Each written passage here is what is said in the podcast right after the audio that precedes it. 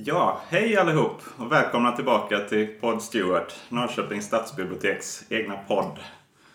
Förra avsnittet så pratade vi om monster. Och något annat som visserligen kan te sig ganska monstruöst ibland, men som kanske är lite mer ordningsamt, eh, är ju byråkrati. Det ska vi prata om idag. Eller om man vill, från monster till mönster. Mm. Och vilka är vi som sitter här? Jag heter Björn Eriksson. Ja, och Björn Jarl heter jag. Ja, Ola Gustafsson heter jag. Mina, kan jag kalla er mina medbyråkrater? Ja, tack. Ja, det är vi ju. Vi är ju alla byråkrater med i mer eller mindre utsträckning. Det har vi ju fått lära oss eh, efterhand och när man reflekterar lite över ämnet och så här. Så att, Ja. mm. Och ja, på, på ytan kanske det, det här med byråkrati kan, kan tyckas mer beskedligt än monster. Men frågan är väl ändå om inte byråkrati kanske kan vara till och med svårare att, att tämja eller göra sig av med. Ja, det är ju definitivt försåtligare. Monster i gängse mening, det, det är ju ändå definierbart och uttalat visuellt på något sätt. Medan byråkratin har ju en förmåga att eh, abstrahera vardagen på ett sätt som gör att den blir självklar, tycker jag. Eh, Och det kan ju vara förödande. Mm. Man jämför ju ofta eh, byråkratier med, med hydror. Mm. Det antika monstret med ormhuvuden. Att när man skär av ett huvud så växer det ut två nya. Ja, det ligger nog väldigt mycket i byråkratins natur, tänker jag. Att den, att, den ska, att den reproducerar sig själv gång på gång. Ett behov av byråkrati skapar ett ännu större behov av byråkrati i många fall, misstänker jag. Mm. Jo, den är självgenererande. Mm. Mm. Eh, Sen vet jag inte om någon hugger av ett byråkratiskt huvud någon gång. Jag, jag, jag kan inte riktigt visualisera den eh, scenen där. Det är väldigt svårt, men, hydran. eh, men det är väl... Vi kommer kanske komma in på det, men man kan ju se det som att när man försöker avreglera, försöker skära ner byråkratin. Men frågan är om man, eh, man lyckas med det eller inte. Ja, det är ju en poäng. Definitivt. I avregleringens tidevarv. Men jag menar postväsendet. Det, var ju Mm. stadigt och fast. Det var en byråkratisk situation. Och så tar man bort det statliga eh, intresset där och bara på genast det växer upp en hel del andra organisationer som bygger på samma principer. Och eh, för den vanliga deltagaren så är det ju hopplöst att hålla reda på alla finesser som finns och alla regler som, och reglementen som var och en för sig naturligtvis kanske är enkla. Men som sammantaget, det, det är väl en generell tendens att eh, det blir bara mer och mer diversifierat och komplicerat. Bara hålla reda på vilket ställe man ska hämta ut sitt paket. Ja, visst. Det är klart. Ja, eh, jag, jag kikade lite på eh, Nationalencyklopedins artikel om byråkrati. Och det första som står där är att det är ett uttryck som kan beteckna fenomen som sträcker sig från pedantiska kontor- kontorsrutiner till egenskaper hos hela samhällsstrukturen. Så vi har ju lyckats välja ett, ett brett begrepp igen, onekligen. Ja, Jag hade li- lite så här häromdagen satt jag och nästan bröt ihop för att eh, fick den här känslan av att men allting är ju byråkrati. vi kan ju prata om det här, vi kan ju prata om det här. Jag vet inte. Ja, det man tänker direkt eller traditionellt, det är ju den första delen av den definitionen. Man ser människor som sitter framför numera datorer och skriver och räknar. Mm. Men det är ju bara den yttre manifestationen av hela det byråkratiska processandet och systemet som ju i den andra delen av definitionen där liksom uppenbarligen genomsyrar hela det moderna livet. Eh, Och då Nej. kanske begreppet som sådant blir, mm, ja inte meningslöst, men väldigt, väldigt svårt att förhålla sig till naturligtvis. jag tänkte vi kan kika på, det finns ju en, en pionjär på det här området. Eh, Max Weber, den gamla tyske sociologen. Som, det är klart När att man- han är tysk. Ja, Det, det är ju, något annat hade ju varit otänkbart. or- ordningsamt folk. Mm. har man ju hört. Eh, när var det han var verksam? Det var väl vid 1900-talet? Ja, Början. slutet av Slutet av 1800-talet. 1800-talet. Samtida med Marx och Ja. Durkheim och de här andra sociologiska Han gick väl bort pionjärerna. 1920 tror jag, någonting sånt? Mm. Eh, han har ju tagit fram en, en idealtyp för byråkratier. med ett gäng olika egenskaper då, som en byråkrati har. Jag tänkte jag kan, kan läsa upp det så vi får ett hum om vad vi har att göra med här. Då är det eh, nummer ett. Byråkratins medlemmar, byråkraterna, är personligen fria och iakttar endast de förpliktelser som deras befattningar föreskriver. Två. Tjänsterna är inplacerade i en hierarki. 3. De har klart angivna funktioner. 4. Tjänstemännen tillsätts på grundval av ett kontrakt. 5. De väljs ut efter professionella kvalifikationer, till exempel examina. 6. De har penninglön efter positionen i hierarkin. 7. Tjänsten är deras huvudsakliga sysselsättning. 8. Det finns bestämda karriärvägar i vilka befordran sker efter meriter, tjänsteår eller överordnades bedömningar. 9. Tjänstemannen äger varken sin befattning eller de resurser som följer med den. Och 10. Han är underkastad ett enhetligt kontroll och disciplinsystem. Mm. Underbart. Det är precis så världen ska vara beskaffad. Ordning och reda. Ordning och reda. Ja. Men eh, ja, Weber han var ju... Han hade ju lite kluven inställning till byråkratin. Han menar att, att samhällsutvecklingen ofrånkomligen gick mot mer och mer rationalitet. Mm. Man såg det på flera olika områden. Och att byråkratin är ett, ett, en ordningsform som är perfekt lämpad för, för det rationella. Så att det kommer bara sprida sig mer och mer tills det har eh, stängt in mänskligheten i en glädjelös rationalitetens järnbur. Mm. Tömd på själ och karisma. Vad säger ni om det? Är det, är det det som håller på att hända? Ja, men just den här värdefriheten.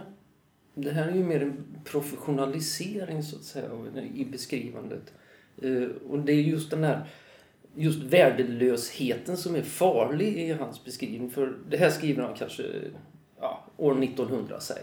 Mm. Någonstans där. Och vad händer sen då? Liksom blir två världskrig med ledande ideologier som ju i mångt och mycket bygger på en byråkratisk stat. Och paradexemplet är ju Nazityskland naturligtvis. Där man då liksom byråkratiserade utrotningen av människor utan att höja på ögonbrynet överhuvudtaget. Man har en kader av byråkrater som verkställer. Eh, Och, och neutraliteten är ju naturligtvis då viktig. Och att var och en är en utbytbar kugge i det hela. Det är väl kanske det Weber eh, också syftar till. att för Det här är inga individer egentligen. Det är väl kanske en typ han pratar om. Eller? Mm. Mm. Visst är det så. Zygmunt Bauman har ju skrivit om, om det där. Ehm, klassikern Auschwitz och det moderna samhället. Han, ja, han bygger ju vidare lite på eh, Hannah Arendts eh, Den banala ondskan. Om, eh, när hon följde rättegången mot eh, Eichmann. Mm. Eh, hon konstaterar ju att, att Eichmann att han egentligen bara var en, en byråkrat som var väldigt bra på att göra det han gjorde. Följa regler och, och order. Och, och Bauman han, han, han skriver ju då att, att det var byråkratin som skapade förintelsen. Det, det var, Ja, om den, om, man inte, om den inte skapar så möjliggjorde ju i Den alla fall... möjliggjorde, eh, ja. Alltså, jag vet inte om vi sa det förr, men det är ju en liksom en kritisk massa upplever jag som för att man ska kunna kalla någonting en byråkrati. Mm. Eh, I det lilla eh, sammanhanget i gatuköket eller ICA Djura eller något sånt där, där, är det inte så mycket till byråkrati på det sättet utan det kräver en, en kader och just tjänstemän också som är Mm. totalt utbytbara eller omplacerbara. mm, Som inte har det individuellt drivkraft på det sättet i själva verksamheten. Det spelar ingen roll vad man egentligen administrerar om man nu tar byråkrati som administration. Då. Det, det är egalt. Mm. Jo, den, den kan ju användas för att göra både gott och ont. Men eh, det han skriver också, Bauman, är ju att den, eh, den, har, den får sitt eget liv. När man väl har satt bollen i rullning så, så trots att det är ett kontrollerat system så på något paradoxalt sätt så går den inte att kontrollera. Jag kan läsa lite här. Han skriver Även om byråkratin verkligen rör sig i vilken riktning man än ger den liknar den mer en falsk tärning. Den har sin egen logik och inneboende kraft. Den gör vissa lösningar mer troliga och andra mindre troliga. Om den ges en första knuff genom att konfronteras med ett ändamål kommer den, liksom kvastarna hos trollkarlens lärling, att med lätthet passera alla trösklar där många av dem som gav den knuffen skulle ha stannat om de fortfarande hade kontrollen över den process de utlöst. Byråkratin är programmerad att leta efter den optimala lösningen. Den är programmerad att mäta detta optimum i sådana termer som inte skiljer mellan ett mänskligt objekt och ett annat, eller mellan mänskliga och icke-mänskliga objekt. Det som betyder något är att de bearbetas på ett effektivt och kostnadsbesparande sätt. Det är modernitet. Det är modernitet, helt klart. Ja. Jag tycker att byråkratin som begrepp är ju väldigt, väldigt intressant för att grundtanken är ju god, precis som, som när Weber liksom formulerade den här idealtypen eller de olika principerna. Men det går ju från en systematik till en ideologi ganska fort, kan jag tycka. Det, det sätter sig som, som någon sorts eh, mentalt ramverk också, mer än ett rent liksom, systematiskt ramverk på något sätt. Mm. Och det tycker jag är väldigt intressant. Hur menar du med ideologi där? Nej, jag tänker på hur man... Jag tog med mig en liten en favoritbok här. Eh, Sorting Things Out, Classification and Its Consequence. Den låter ju fruktansvärt torr. Eh, Boker and Starr för övrigt, författare till den. Men eh, väldigt härlig liten bok som handlar om precis det här. Det står på första sidan i inledningen att To classify is human. Mm. Att det ligger i vår natur. Så enkelt är det. Det är inget konstigt. Visst används den på bibliotekarieutbildning? Självklart gör det Men det. naturligtvis. Men jag tycker de har en väldigt viktig poäng faktiskt. För att för att kunna tolka verkligheten så vill vi alltid eh, skapa system. Vi vill kunna klassificera saker och ting. Vi vill kunna ha ordning.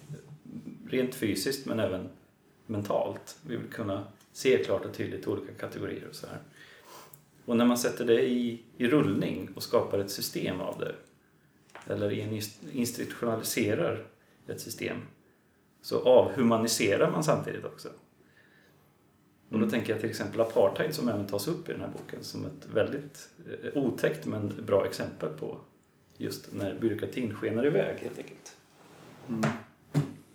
Men det här med att vi vill eh, eh, klassificera saker och ordna dem.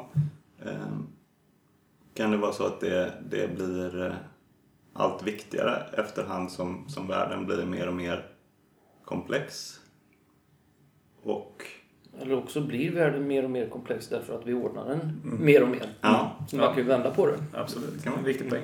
Mm. Jag vet inte, apartheid som exempel där. där eh, byråkratisering, då, då är det liksom antingen bortom eller framför gott och ont. Mm. Jag vet inte om man kan prata om en värderingsfylld byråkrati. Man pratar om dess konsekvenser, de kan vara goda eller onda, men som sådan, just det här sorterings klassificeringsprincipen som sådan. Eh, finns det någon form av värdering i, eller värderingsgrund i en sån klassifikation? det, alltså det ska ju inte göra det. Nej, det ska det ju inte göra. Eh, Men konsekvenserna blir ju andra då. Mm. Ja, Men, som sådan, för det är ju viktigt för oss som bibliotekarier här. ja visst är det det. Ja. Absolut. Men, Vi ordnar ju världen som den egentligen är. Ja. är. naturligtvis. Who are you? The new number two. Who is number one? You are number six. I am not a number. I am a free man. Pod Stewart. Eh, ja, men en, en som menar att det här med byråkrati är någonting som bara har ökat. Och lite eh, en av anledningarna till att vi sitter här och pratar om byråkrati. Eh, det är David Graeber eh, som har kommit med en ny bok som heter Reglernas utopi om teknologi, enfald och byråkratins hemliga fröjder. Och väldigt fint omslag här också. Med ett, eh, ett rosa formulär. Typiskt byråkratiskt. Eh, ja, Graeber han är, han är antropolog och aktivist, en av frontfigurerna i Occupy-rörelsen. Han menar ju att, att byråkratin, det har blivit vattnet som vi alla simmar i. Att vi är lite blinda för det. Att den har blivit så, en sån, eh, ska man säga? Inte- Självklarhet Ja, i, i det dagliga livet. Mm. Jag har också läst den och tyckte den var en mycket bra bok. Ehm, och han gör ju en poäng i att användandet av ordet byråkrati och byråkratisering har gått ner i samma takt, eller motsatt principiell kurva som att eh, implicerandet av byråkratin i vardagen har ökat. Och han anför ett antal exempel på det. Det vill säga att eh, det har på något, på något sätt kanske avprofessionaliserats byråkratibegreppet och inbegriper mer i varje enskild människas vardag på ett sätt som vi inte ser. Det är väl kanske en av hans poänger, eller? Jo. Eh, det är ju det är ju som du var inne på innan det där, att vi har ju liksom en, en väldigt stark schablonbild av vad som är byråkrati och hur en byråkrat ser ut. Att det är någon som sitter vid ett skrivbord med, med stämplar och hanterar papper och så. Men den bilden är ju lite föråldrad för det han menar har hänt då är ju att de allmänna byråkratierna, alltså staten kan man säga, och, och de privata byråkratierna, företagen, har smält ihop.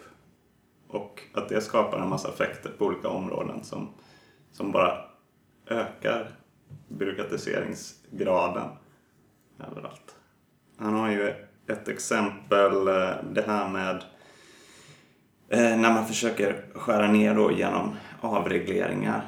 Att så fort man gör en avreglering så måste det till ett kontrollorgan som ska kontrollera så att allting ändå fungerar som det ska. Att eh, underleverantörer eh, sköter sig och att man får rätt effekter i verksamheten. Ja, det är ganska alltså, slående måste jag säga. Och, och, igår var jag på, i Vadstena på Landsarkivet. Och där förvaras ju den svenska statliga byråkratins minne. Så att säga. Om det nu var i 6 eller 60 mil, det kommer jag inte riktigt ihåg. Men det är ju abstrakta siffror så att säga. Men, och, och det som är eh, sparat är ju naturligtvis överhetens eh, anteckningar i form av allt ifrån räkenskaper till eh, prästernas folkräkningar och annat sånt där. Medan den här, det här andra kontrakten som finns muntligen och naturligtvis finns inte nedskrivet. Det som hade hänt människor emellan finns ju inte särskilt mycket kvar. Liksom. Men däremot kontrollapparatens minne, det förvaras.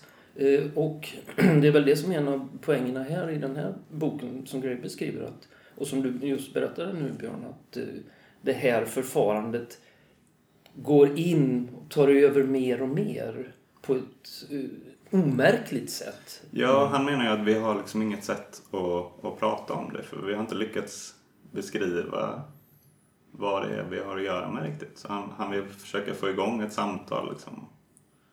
Han, han menar, eh, är det här liksom med höger och vänster eh, på den politiska skalan, att, att högern åtminstone har en kritik av byråkratin.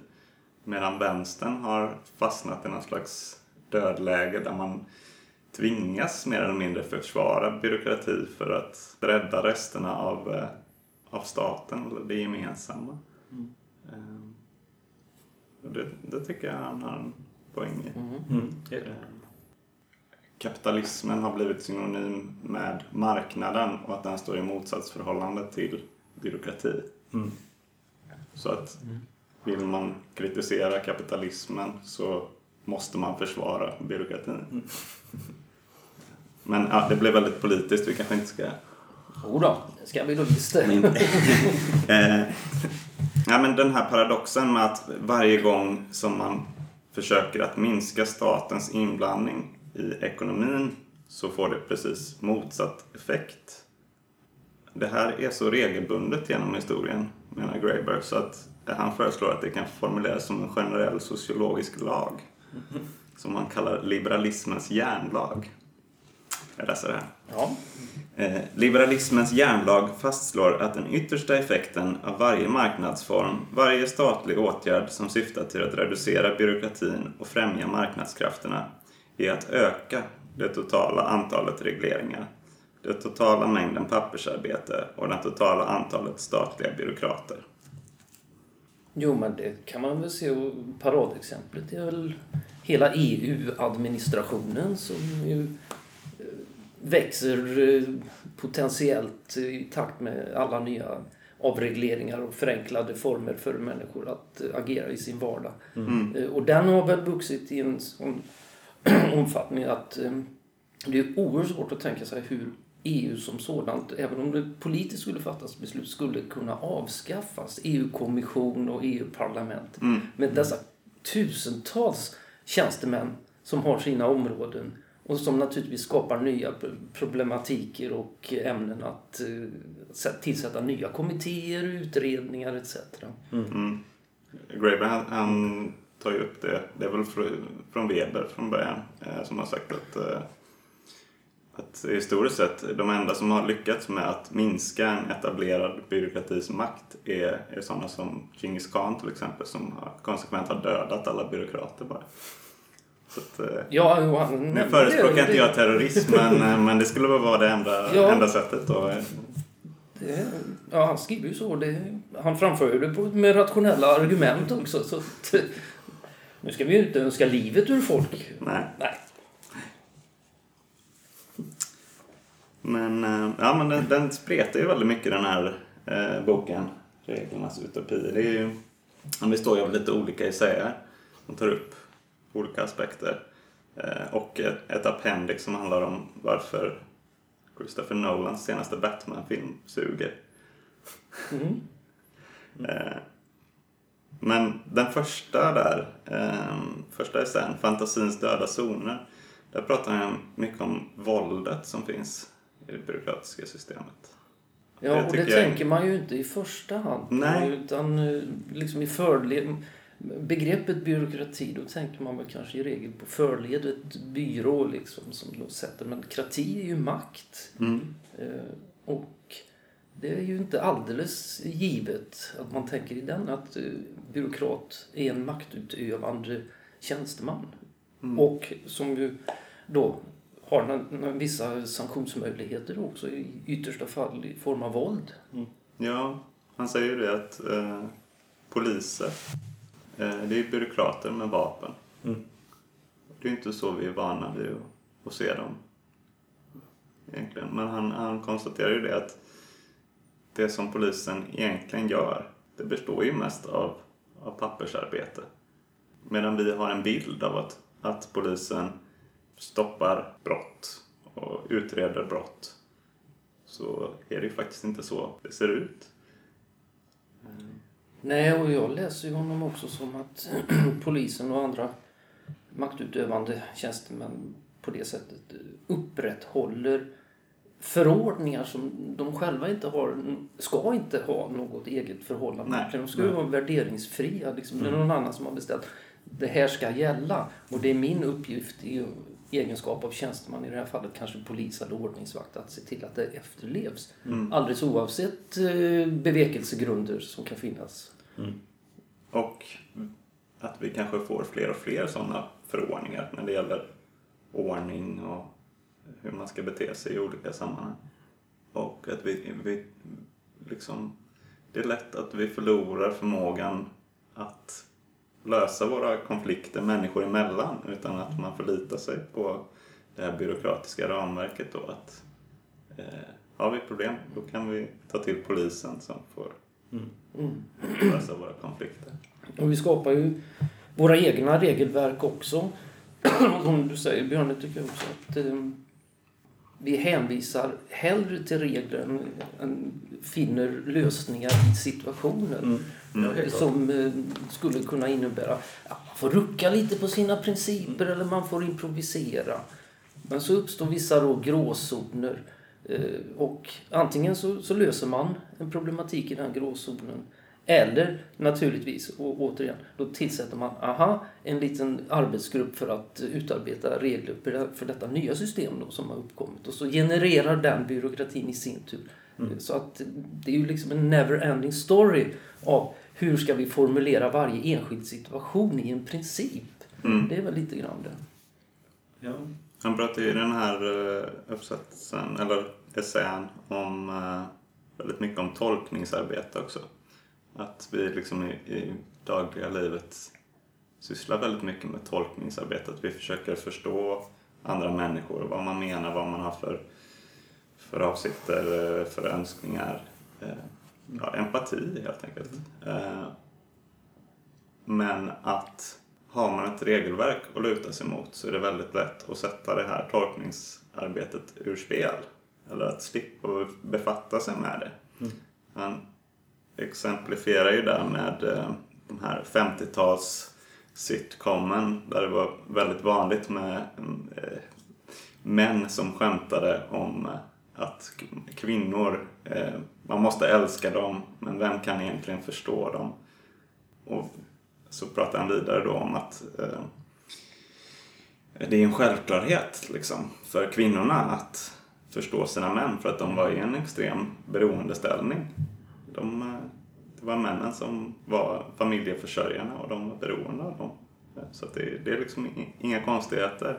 Eh, Men det där hur lätt det är att då som man i det läget inte, inte se det överhuvudtaget utan och det där lever ju kvar i, i högsta grad. Liksom. Man pratar om så här mytisk kvinnlig intuition. Och Det är ju bara bullshit. Liksom. Eh, Så du menar att där, där har du en rådande diskurs då på någon vänster som... Då kan det bära väldigt långt i och för sig. Men ehm, ja. Men jag Ja, tänkte men- just på det här Nej, med... men jag, jag tycker att man märker, eller jag känner av det själv liksom ibland när man hamnar i, i såna här situationer som, är lite, som skaver lite att eh, ja men jag kanske bara ska liksom säga att nu är det så här, de här reglerna som gäller. Liksom. Även om jag förstår och kan, kan empatisera och ha möjlighet att göra undantag, som du säger. Att man liksom eh, behandlar situationen. Nej, Nej, men jag, förstår, jag förstår vad du menar. För att, eh, jag, jag tänker att det är ju det, det, det är där själva liksom, by, eh, byråkratens paradox uppstår på något sätt. När byråkraten själv börjar eh, möter någonting externt och börjar kanske tänka att ja, men, eh, vi borde kunna lösa det här på ett mer humant vis, så att säga. Vi, vi måste ha någon form av flexibilitet. Mm. Eh, så backar man i tanken för att fortfarande använda sig av det här byråkratiska grundincitamentet så att man löser egentligen flexibiliteten med ännu mer byråkrati, tänker jag. Mhm. Att det kan vara det som är problemet. Och där har vi väl en situation där den, åtminstone den klassiska byråkraten ställs inte direkt i konfrontation kanske direkt med problematiken utan är den som i andra hand får lösa saker och ting. Mm. Eh, Medan vi som när vi jobbar här på biblioteket, vi ställs ju inför sådana här situationer där vi har att applicera ett regelverk som vi har. Vi har ju gott om regler och de blir fler och fler så vi behöver inte gå särskilt långt. Alltså, bara lånereglerna är ju fantastiska. Och detta ska samordnas på olika regionala och statliga nivåer etc. Eh, Men där har ju vi att hantera för eh, ett alternativ är ju naturligtvis att man tar med sig en, en fråga, en situation och så går man tillbaka och så grunnar man och kanske i samråd med kollegor och sådär också.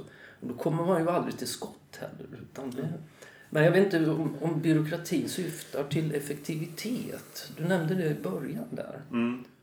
Det kanske det gör ändå. I, i grunden kanske Ja, det ja, men det gör det väl, Det, jag. det är ju det det gör för att det är liksom eh, just att det sätter liksom alla de här andra processerna ur spel. Så, så, så strömlinjeformar det ju liksom vårt handlande. Eh, Ja, jag tänker så också. Att det är ett sätt att liksom dekonstruera verkligheten som är, som är full av eh, variabler och eh, möjliga scenarion, situationer, personer, händelseförlopp. Att man bryter ner det i någonting som är eh, begripligt helt enkelt. Så, Hanterbart, enkelt. ja, så Transparent. Eff, eff, effektivt. Mm. Ja. Och ska gälla lika för alla. Ja, ja. grundtanken. Ja. Ja.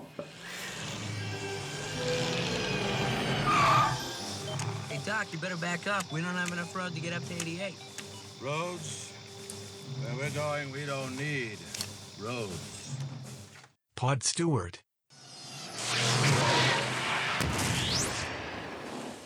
What the hell is going on here? Ja, eh, d- den andra essän eh, som han har, Graeber, den heter ju om fallande, nej, om flygande bilar och fallande vinstnivåer.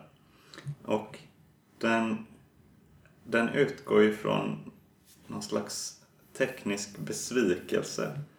Eh, han, han är sur helt enkelt för att han, eh, eller besviken för att han inte, han har blivit lovad som, som barn att det, det ska finnas flygande bilar vid det här laget. Men, och en massa andra grejer som robothjälpredor och rymdkolonier och sådär.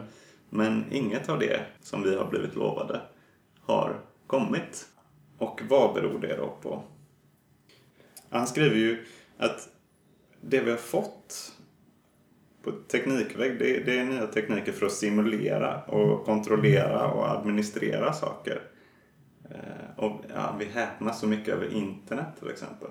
Men det är ju inte mer än en, en väldigt snabb och, och global kombination av bibliotek, postkontor och postorderkatalog. Ja, han skriver så ja. Eh, Vi trodde att vi skulle kunna göra saker på riktigt vid det här laget och inte bara hitta på mer avancerade sätt att simulera det. Och han menar ju att det beror då på lite olika saker. Dels politiska faktorer. Att man inte har satsat på forskning och även en byråkratisering av forskningsadministrationen. Så att, som har gjort att det finns inte plats för någon originalitet eller några eh, nytänkande idéer. Ja, Det är en ganska dyster essä han skriver där, måste man ju säga. Och, eh, han gör ju också, eller ja, det finns ju också en jämförelse med att ja, kapprustningen mellan Sovjetunionen och USA, den, den drev ju på inte bara faktisk utveckling utan också tankemässig utveckling. Det är ju därigenom alla eh, framtidsutopier kommer egentligen. Och, och när det faller undan till, skillnad, till förmån för en marknad som eh, inte främjar den typen. Det, det skriver han ju också. Liksom att det, eh, man tar det säkra för det osäkra. Små steg istället för stora vansinniga grejer. Och, och just det här med forskningen också. Och det, var ju, det är ju en aktuell debatt nu.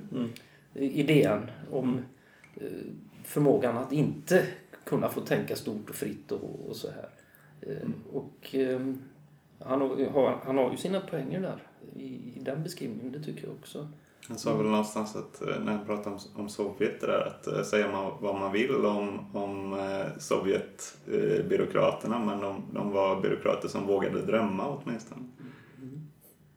Ja, det är nya perspektiv. Men jag, jag har läst det på flera håll på sistone. Att jag undrar om det inte är en omvärdering av Sovjetunionens samhällssätt som är på gång faktiskt.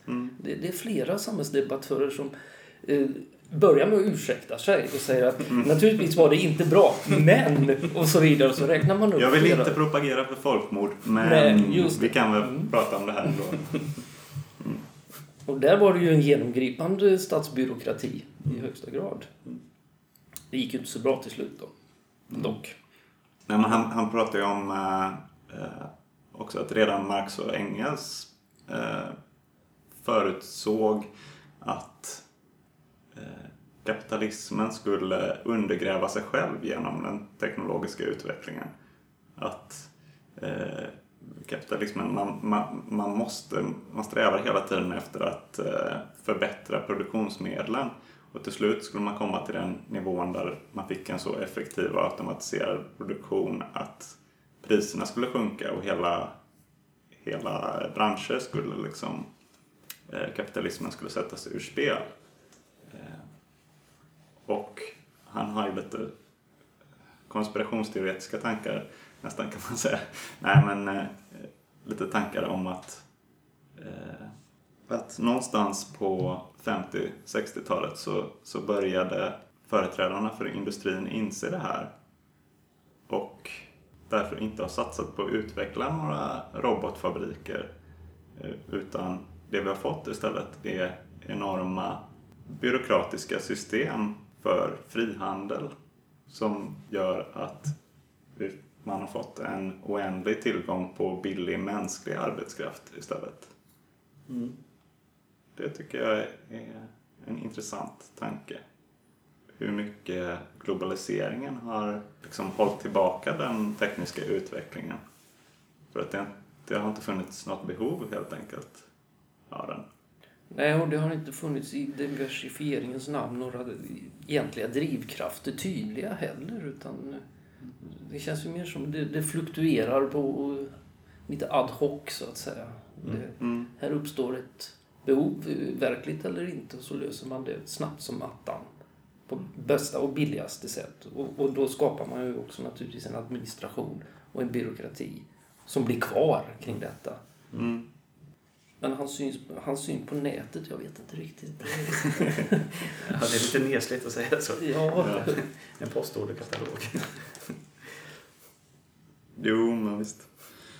Nej, men han, han, hans, eh, hans liksom, huvudtanken är väl att han, vi har gått från vad han kallar poetiska teknologier till, mot byråkratiska teknologier där liksom, det administrativa har blivit målet istället för medlet för att främja utvecklingen. Och han, han tittar ju på, på sitt eget område, akademin då, och ser att eh, det han sysslar med och, och hans kollegor är till större delen administration. De sysslar inte så mycket med att vara akademiker. De är, de är motvilliga byråkrater istället. Mm. Och det tycker jag man kan se på många olika områden i samhället. Även hos oss bibliotekarier. Det, det är en stor del av dagen som går åt till att eh, administrera arbetet. Mm. Jo, men så är det ju och det är ju bara ökande. Och ett typexempel är ju, ja, det är ju det här ekorrhjulet som akademin är inne i. Att eh, man måste ägna halva arbetsdagen åt att författa ansökningar till olika eh, forskningsstiftelser och annat. Och eh, an- andra halvan av dagen så, ja, så ska man då försöka eh, rekrytera folk och annat till de beviljade medel man har fått. Så en, en professor idag som ju förut då kunde leda en institution och, och forska själv och sånt där. Han är ju en superbyråkrat. Eh, Och det är ju det är därför det är så svårt också för, för nytt, nytt tänkande när det är sådana hårda premisser inom eh, högre utbildning också. För att man är inte finansierad mer än kanske ett halvår, ett år i taget. Och ens egen framtid och institution hänger på hur skicklig man är att skriva eh, ansökningar. Och då gör man ju naturligtvis det enligt mainstream som man får då liksom största respons på. För så här ska det göras och så här har det alltid gjorts. Och så genererar det en egen historik kring, kring eh, forskning. Mm. Och, ja, men, typexemplet är ju också, tycker jag, eh, det finns ett stort intresse för populärvetenskap. Det ser vi ju i tidningar och eh, tidskrifter och eh, tv-program och sånt här. Men att få svenska avancerade forskare att skriva en populärvetenskaplig bok, det går inte. Det är inte mycket som finns. Nej. Och då för, förklarar de det, detta med att nej, men det här ger inga akademiska meritpoäng.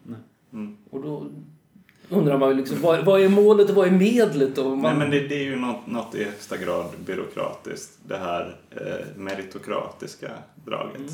Att man, eh, kunskap är inte så viktigt i sig om man inte har officiella meriter.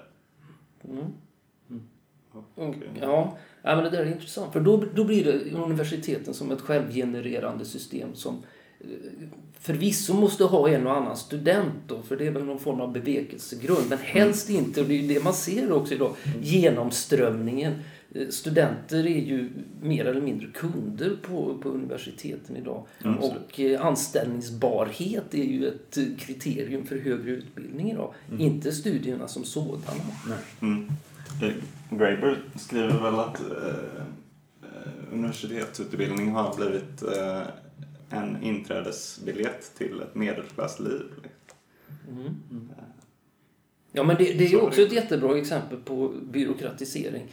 Varenda, nu ska vi inte svära här, varenda eh, yrkeskategori ska ju numera högskoleutbildas också. Mm. Eh, och det, av någon anledning då.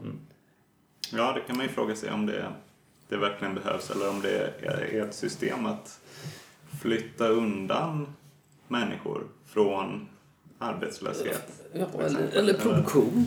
Därför att det, det är klart, ja, varenda liten bransch är ju idag omgärdad av oändliga regelverk.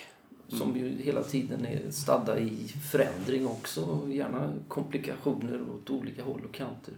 Så varenda kotte måste ju vara sin egen lilla administratör på, på, ar- i arbetslivet idag. Mm, absolut. The intense rush of bureaucratic engagement serves nothing. It is the performance of its very purposelessness that generates an intense enjoyment ready to reproduce itself forever. Pod Stewart. Jo, att eh, universiteten framstår mer och mer som en glorifierad filial till Arbetsförmedlingen. Det tyckte jag var lite elakt. Jag kommer faktiskt inte ihåg vem som sa det, men jag läste det ganska nyligen. Jag känner att vi kommer in på, på Paulsen här. Ja, kan ha varit oss. Kan. Kan ha varit det. Ja. Eh, Roland Paulsen, han kom ju förra året med eh, boken Vi bara lyder som handlar om just Arbetsförmedlingen. Eh, den, den blev ju en väldigt snackis när den kom. Jag tyckte den var fantastiskt bra också. Där, där visar han ju hur Arbetsförmedlingen har förvandlats till, till just till en byråkratisk koloss. Från att ha varit något, ett ställe som eh, hjälper folk att få jobb så sysslar man numera mer med kontroll och disciplinering. Och den genomsnittliga arbetsförmedlaren eh, förmedlar någonstans mellan ett och, och tio riktiga jobb. Eh, och osubventionerade jobb per år. Eh, har jag för mig att det var. Så det handlar ju liksom mer om att hantera människor. Eh, Och, det, Och disciplinera dem. och disciplinera dem. Att om de inte sköter sig och följer reglerna så, så blir de straffade. Grunden för boken var ju att han, han var på ett arbetsförmedlingskontor och bedrev fältstudier i ett forskningsprojekt som hade arbetsnamnet Funktionell dumhet. Eh, där man utgick från teorin att, att vi i arbetslivet begränsar vår reflektionsförmåga till tekniska problem och undviker att ställa frågor kring mening och syfte. En viljestyrd fördumning som hjälper företag att fungera bättre. Så man, fungerar, man fokuserar på att få saker gjorda och det spelar inte så stor roll vad som blir gjort helt enkelt. En annan typiskt byråkratisk grej som man tar upp är det här hur myndigheterna olika myndigheter bollar problematiska personer mellan sig. Till exempel Försäkringskassan och Arbetsförmedlingen då. Om någon till exempel går och betraktas som psykiskt sjuk eller så, då kan ju inte personen förväntas förvärvsarbeta utan då är det ett fall för Försäkringskassan. Så att med hjälp av olika kodningar så liksom skickar man vidare problemen. Och det där kan man ju träffa på här också emellanåt sådana eh, människor som bollar sig mellan systemen. Jag brukar ju trösta dem med att eh, sysselsätter säkert mellan fem och tio byråkrater heltid bara denna enskilda människa. Alltså, I den bemärkelsen så är hon ju väldigt samhällsnyttig. Eller han då. Eh, Som ligger, någonstans måste det finnas ett föremål ändå där byråkratin kan ta sin utgångspunkt och bygga en sån här oerhörd överbyggnad som exempelvis Arbetsförmedlingen. Det är ju helt fantastiskt egentligen att eh, så mycket människor sitter och administrerar sig själva. Och någonstans finns det då en stackare som man kan ringa upp och säga du har inte infunnit dig på det mötet eller du fyllde i den blanketten fel. Och då, då har man liksom ett, ett incitament utåt i alla fall. Men det är ju oerhört sällan skulle jag föreställa mig att eh, en arbetsförmedlare ringer till en arbetslös och säger jag har fått in ett jobb här till dig idag. Sk- Skulle det kunna vara någonting? Kom hit, vi snackar och så går vi dit och så presenterar vi det här. Då går man bortom och utanför de byråkratiska processerna och så får man inte göra. Nej. Nej. Men man visar ju också eh, på sen hur, hur de anställda är... Eh, de är inte nöjda med hur det ser ut. Men de lider. De, de lyder på olika sätt. Han pratar om variationer av lydnad där. Att det finns förtvivlad lydnad, cynisk lydnad och positiv lydnad. Eh, där, ja, förtvivlad lydnad är ju lite som, som ett barn som, som tvingas att lyda. Mm. man har inget annat val. Medan det finns lite mer raffinerade varianter då, som den cyniska lydnaden där man kan intala sig själv att man har genomskådat systemet och jag är inte alls med på det här egentligen men, eh, Men lik förbaskat så... men lik förbaskat Ja. så gör man det. Mm. Man intellektualiserar helt enkelt. Mm. Och så även det här då som har, som har blivit vanligare och vanligare på senare år med den positiva lydnaden. Att man, nu är det så här, nu, nu, nu är det det här som gäller. Så att då får vi försöka se, se det positiva i det och göra så bra vi kan. Och det, det tjänar ingenting till att, att deppa ihop och tänka negativa tankar. Säger han någonting om olydnad? Finns det någon sån olydnad? Nej, det är det, det som inte tycks finnas. Och det är ju, då har ju liksom byråkratin verkligen blivit effektiv. Om det enda som finns är olika lydnadsvariationer. Men man tappar förmågan att se sig själv som en agerande individ med möjligheter att säga nej och säga ifrån när man ser att systemet inte fungerar. Jag tänkte på det nu. Vi gjorde, eh, till alla lyssnare här nu till den här podden, så gjorde vi en liten paus eh, alldeles nyss. Och eh, då agerade jag i form av civil olydnad genom att gå ut och röka. Det får man inte göra som kommunal tjänsteman i, i Norrköpings kommun. Eh, och då känner jag mig väldigt rebellisk varje gång jag gör det här. Men jag är ganska övertygad om att det är väldigt svårt att bestraffa mig om någon skulle se detta i ansvarig ställning. Och det, det, Nu jag tycker det, nu när vi har spelat in det. Ja, men visst. Och, och då kan man ju... Vad, vad beror detta på? Jo, men detta är ett så bra exempel på en byråkratisk regel. Eh, Man får alltså inte röka på arbetstid i Norrköpings kommun. Nå, ingen får göra det. Det är typiskt byråkratiskt. Det gäller generellt och alla. Eh, Och varför? eh, Egentligen då? Ja, Jag skulle förmoda att det här beror på eh, hemtjänsten. Att eh, hemtjänstens kunder inte ska utsättas för människor som röker. Eh, Och då kan man ju inte stigmatisera en eh, särskild grupp, så att säga. Utan då får det ju gälla alla, naturligtvis. Oavsett. Ja, eller så beror det bara på folkhälsoaspekten. Ja, men den, den, är alltid, den finns alltid med som ett eh, bra och eh, stödjande argument kring det hela. Tror jag. Men är det folkhälsoaspekt så ska man inte röka på fritiden heller, eller lunchen eller något sånt där. Ja, byråkratin kanske inte har riktigt Men nått dit än bara. nej, där, där får man inte riktigt lov att vara inne och, och peta än. Nej, men det... Jag säger inte det.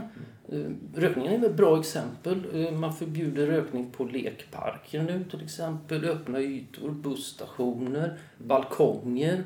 Eh, Man tränger undan mer och mer liksom, i ett regelverk där. Men än så länge kommer inte polisen att ta det i alla fall. Nej, men det skulle ju kunna ingå i ordningsvaktens åtagande till exempel att hålla efter kommunal eh, olydnad på det sättet. And this should make you a real crowd favorite. John works for the IRS. We've never had a contestant booed. Well, let me make it easier for you. He works in collection for the IRS. Oh, come on. Port Stewart. Det är han ju inne på också, Graeber, att eh, det finns en, en väldigt stark lockelse i det byråkratiska. För att det, det är bekvämt att, att överlåta eh, alla viktiga beslut, Beslut och, och- en, ens och egen val. ångest och allt sånt där. Liksom, det finns någon som ändå bestämmer över en. Ja. En infantilisering liksom, av människan. Individen. Helt klart. Och det är klart att det ligger en lockelse och trygghet i det. Han pratar ju om, om lek i förhållande till spel. Att, att byråkrati kan ses som en, en spelifiering lite av tillvaron. Att man sätter upp regler och att det finns liksom ett implicit antagande att om man bara följer reglerna så, så vinner man. Mm. Eh, medan leken då är något mer eh, subversivt och där man använder sin fantasi och tänker utanför ramarna. Eh, men att det är något farligt också. Det ses ofta som något farligt. Ja, för det är oförutsägbart. Å andra sidan så skriver han också, nämner han också det där man, man iakttagit barns lekar som ju är, ska vara oförutsägbara och kan ju gå åt vilket håll som helst. Och uppenbarligen är det så att halva tiden som barn leker så ägnar de sig åt att prata om lekens eh, ja, regelverk helt enkelt ändå. Ja. Vi har ju uppenbarligen en sån väldigt stark tendens liksom, att förvandla leken till spel. Mm. Någon jäkla ordning måste det vara. Och det- Redan i förskoleåldern liksom. Det kanske är liksom helt naturligt Helt för oss. mänskligt. Ja. Eh, Men samtidigt så utövar ju den här anarkismen eller vad man ska möjligheten, flykten till fantasin en ständig lockelse också. Så det är ju en, en motsättning mellan spel och lek som han säger det här då, så att säga. Och han skriver väl också någonstans där att eh, den perfekta byråkratin när den funkar som bäst är helt neutral och berättelselös och fantasilös. Det är först när den spårar ur, när någonting går åt skogen, då uppstår berättelsen. mm, Eh, och varpå jag genast gjorde reflektionen då kring våran ordningsvakt här. Eh, det som noteras i den lilla boken bakom informationsdisken det är händelser som bryter mot normerna. Det vill säga när det inte fungerar som det ska, då berättas det i, i text. Va? Eh, medan däremot det andra är helt neutralt. Först när systemen krackelerar på någon vänster, då uppstår eh, just berättandet som då kan leda åt olika håll och kanter.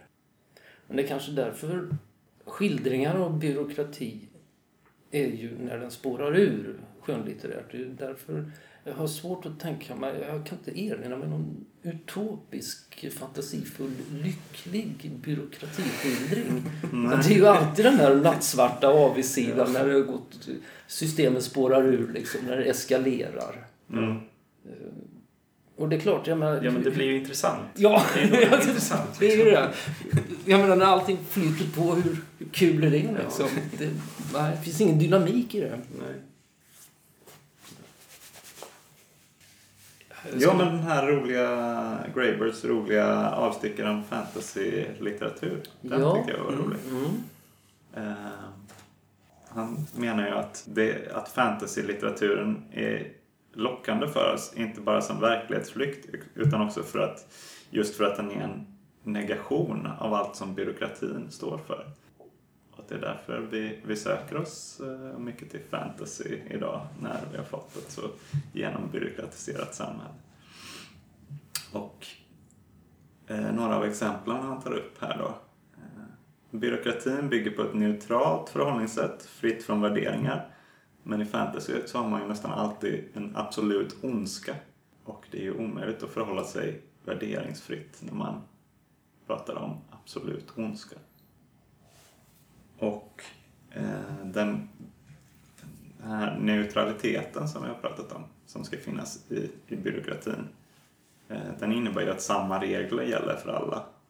Men i fantasyn så har man en massa olika arter, vättar och alver och troll som har, ja de är halvt mänskliga men de, de går liksom inte att, att samordna. Eh, De kan inte interagera i ett socialt system. Eh, och det man får då är en, en värld där rasism är något som är helt okej. Ja, till exempel i Sagan om ringen med Gimli och, och, och Legolas som håller på att kivas hela tiden. Och, ja, alla vet ju hur, hur dvärgar är. De är eh, giriga och det går inte att lita på dem. Nej, och där är den typen av eh, schabloniseringar fullt, inte bara tillåten utan helt nödvändig. Liksom. Ja. Mm. Och eh, det här med våld som vi var inne på, att eh, i en byråkratisk ordning så är det bara legitimt att använda våld när det sker för att upprätthålla reglerna. Men i fantasyvärlden där, eh, där bygger den legitima makten oftast på, på ren karisma.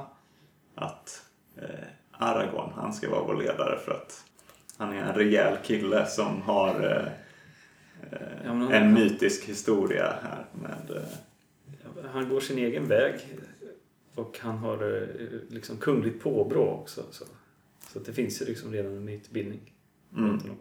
Och ledarna i fantasyn, fantasyvärlden, de är oftast väldigt våldsamma men de använder inte våldet för att upprätthålla ordningen. Utan eh, det är bara de, de onda som skapar statsliknande apparater som bygger på tvång. Skulle jag... eh. Även att fantasy bygger på berättelser. Det här var vi inne på lite innan. Ofta är det berättelser inom berättelsen men i, i byråkratiska miljöer då så uppstår berättelser bara, som vi sa, när någonting går snett. Mm. Och fantasyn är full av gåtor, profetier och rebusar. Medan byråkratin bygger på transparens, att reglerna är tydliga och begripliga för alla.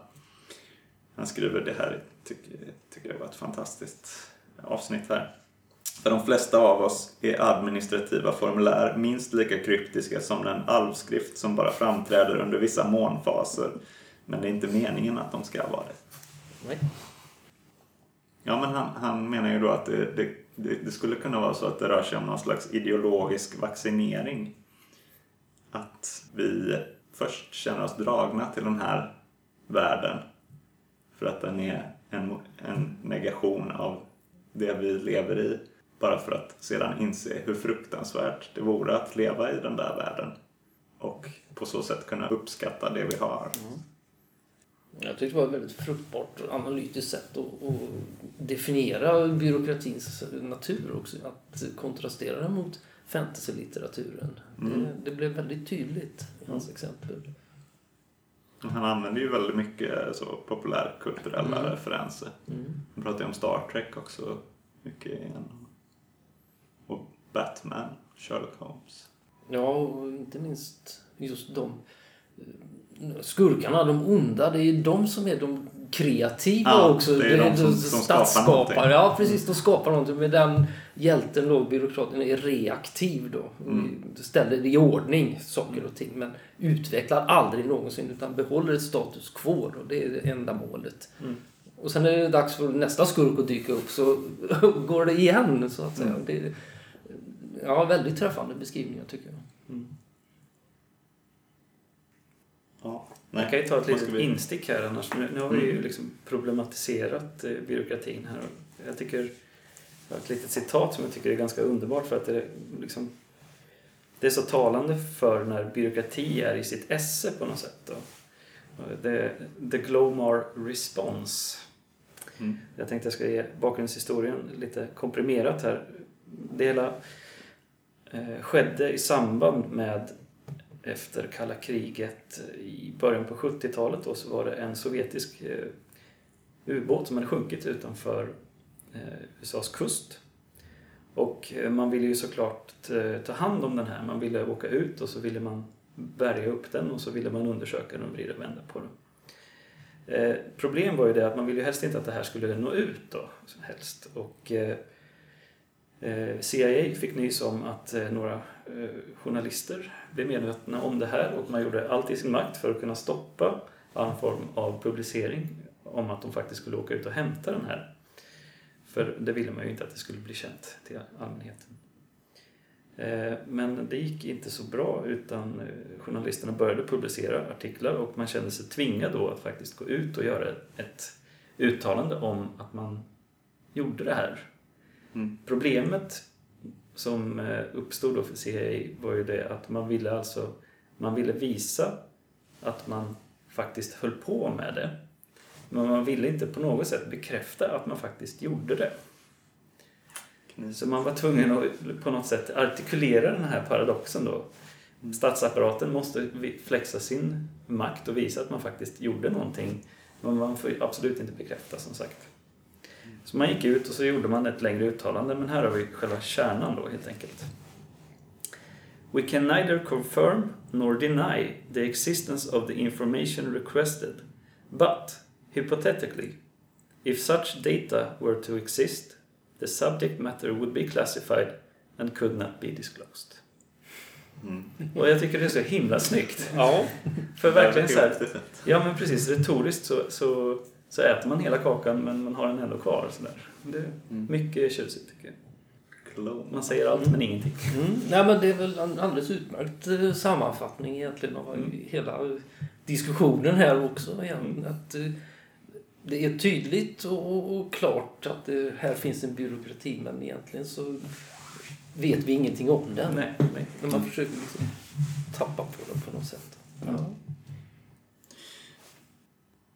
Ja, Ja. det har blivit dags att stämpla ut och tacka för oss. Eh, tack till vår gäst, Ola.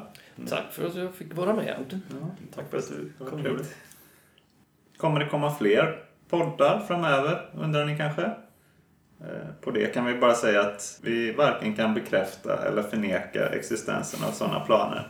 Men hypotetiskt, om sådana planer skulle existera så skulle de vara storslagna.